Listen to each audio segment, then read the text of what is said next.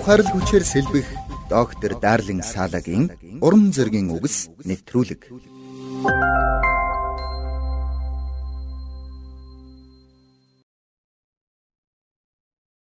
Өчигдөр би удаан хугацаанд уулзаагүй найзтайгаа уулзсан юм. Тэр байгаагаараа л хүний сэтгэлийг татах увдстай нэгэн. Учир нь тэр ярилцаж байгаа хүндээ чи бол онцгой хүн шүү гэсэн мэдрэмжийг төрүүлж чаддаг. Түүнтэй уулзаж ярилцах бүрд би маш их урам зориг авдаг. Нэрт зохиолч Библийн багш Аан Ортлунд нэгэнтээ Энэ дэлхий дээр хоёр төрлийн хүмүүс байдаг. Хүмүүсийг энэ хоёр төрлийн алинд нь хамаарах вэ гэдгийг бид өрөөнд нь ороод ирэхэд л мэдэх боломжтой юм.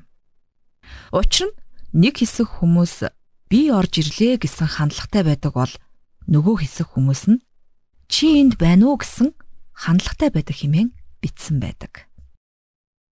Заримдаа бид өөрсдийгөө хэрэгцээнд хитрхи анхаарад бусдад хэрхэн ивэл ерөөл болж болох вэ гэдгээ марцчихдаг.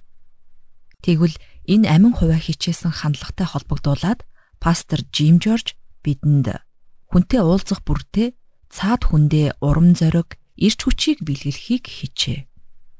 Уулзалт бүрдээ цаад хүндээ ямар нэгэн зүйлийг өгөхийг хичээ хэмээн сургасан байдаг. Шин гэрээнд бие биенээ урамшуулн зоригжуул хэмээн удаа дараа сануулсан байдгийг та битгий мартаарай.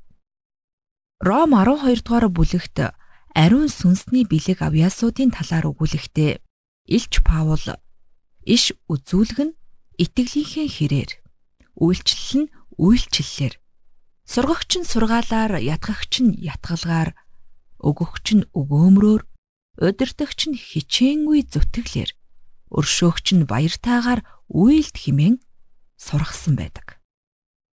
Тэгвэл та бусдад урам зориг өгөгч нэгэн байхыг хүсэхгүй гэж юу? Хэрвээ хүсэж байгаа бол бусдыг урамшуул. Өнөөдөр та гэр бүлийнхээ гишүүдэд ямар үгээр урам хайрлаж болох вэ? Эсвэл хамтран ажиллагсадаа эсвэл дарагдаа ямар үгээр урам өгч болох вэ? Магадгүй та үгээрээ биш, үйлдэлээрээ тэдэнд урам зориг өгч болно баглаа цэцэг урмын загтлыг чинь хүлээн аваад урам зориг, ирч хүчээр сэлбэгдэх хүн олон бий. Эсвэл та тэрч болно. Имэйлээр бичиж болно. Тиймээс бүхэл арга замаар бусдад урам зориг өгөгч нэгэн байхыг эрмэлзээрэй. Доктор Дарлин Салагийн урам зоригийн үгс нэвтрүүлгийг танд хүргэлээ.